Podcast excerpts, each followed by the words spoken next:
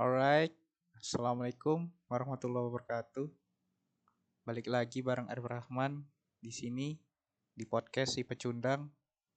Kali ini mau bahas ya mungkin sering terjadi atau pernah terjadi di setiap urusan yang bakal kita hadapi yaitu kerjaan mungkin dan mungkin juga ini bisa jadi sesuatu yang benar-benar sangat berpengaruh bagi kita, terutama bagi aku sendiri. Yang pertama kali yang paling perlu diperhatiin.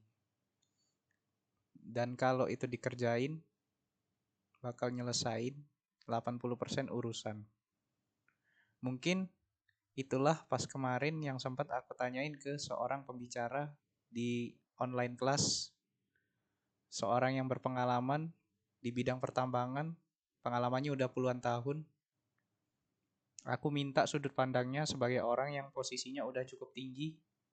Seorang ya bisa dibilang wakil kepala teknik tambang di suatu perusahaan di Kalimantan.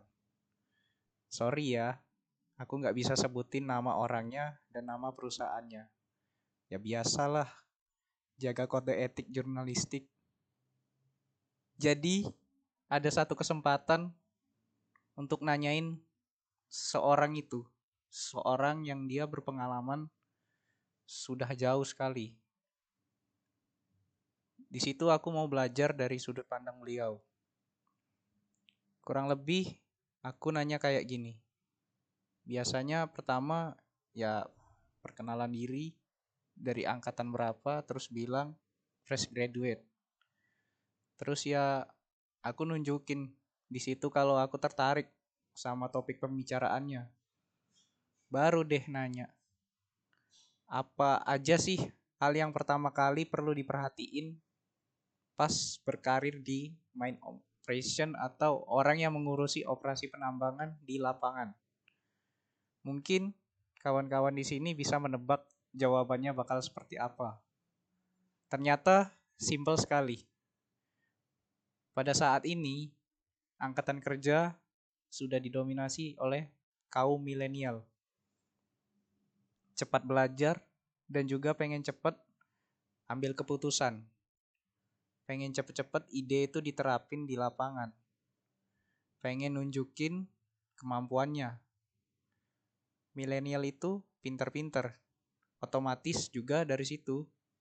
Kita semua bisa tahu. Fresh graduate atau yang baru lulus kuliah itu semuanya didominasi oleh kaum milenial. Telak. Maka yang perlu diperhatiin itu adalah attitude.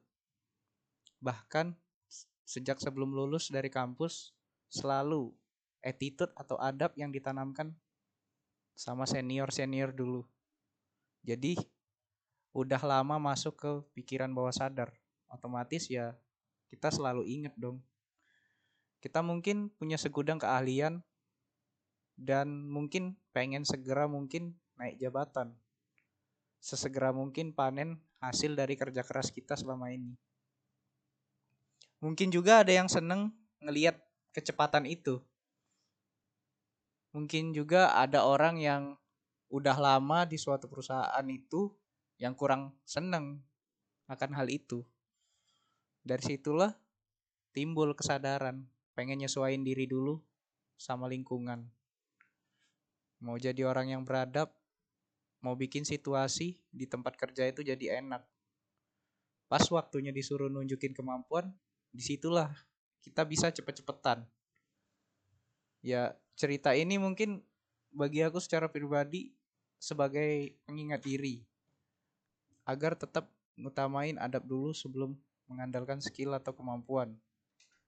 Aku percaya adab itu bisa ditiru dan bisa dipelajari. Emang sih nggak semudah itu, nggak sekali langsung bisa. Kalau bisa diulang-ulang terus.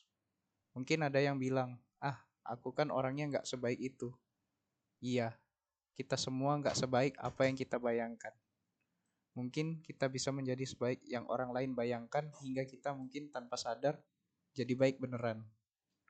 Alhamdulillah aku udah dapat wejangan dari orang yang berpengalaman. Mungkin itu dulu yang bisa aku share malam ini. Assalamualaikum warahmatullahi wabarakatuh.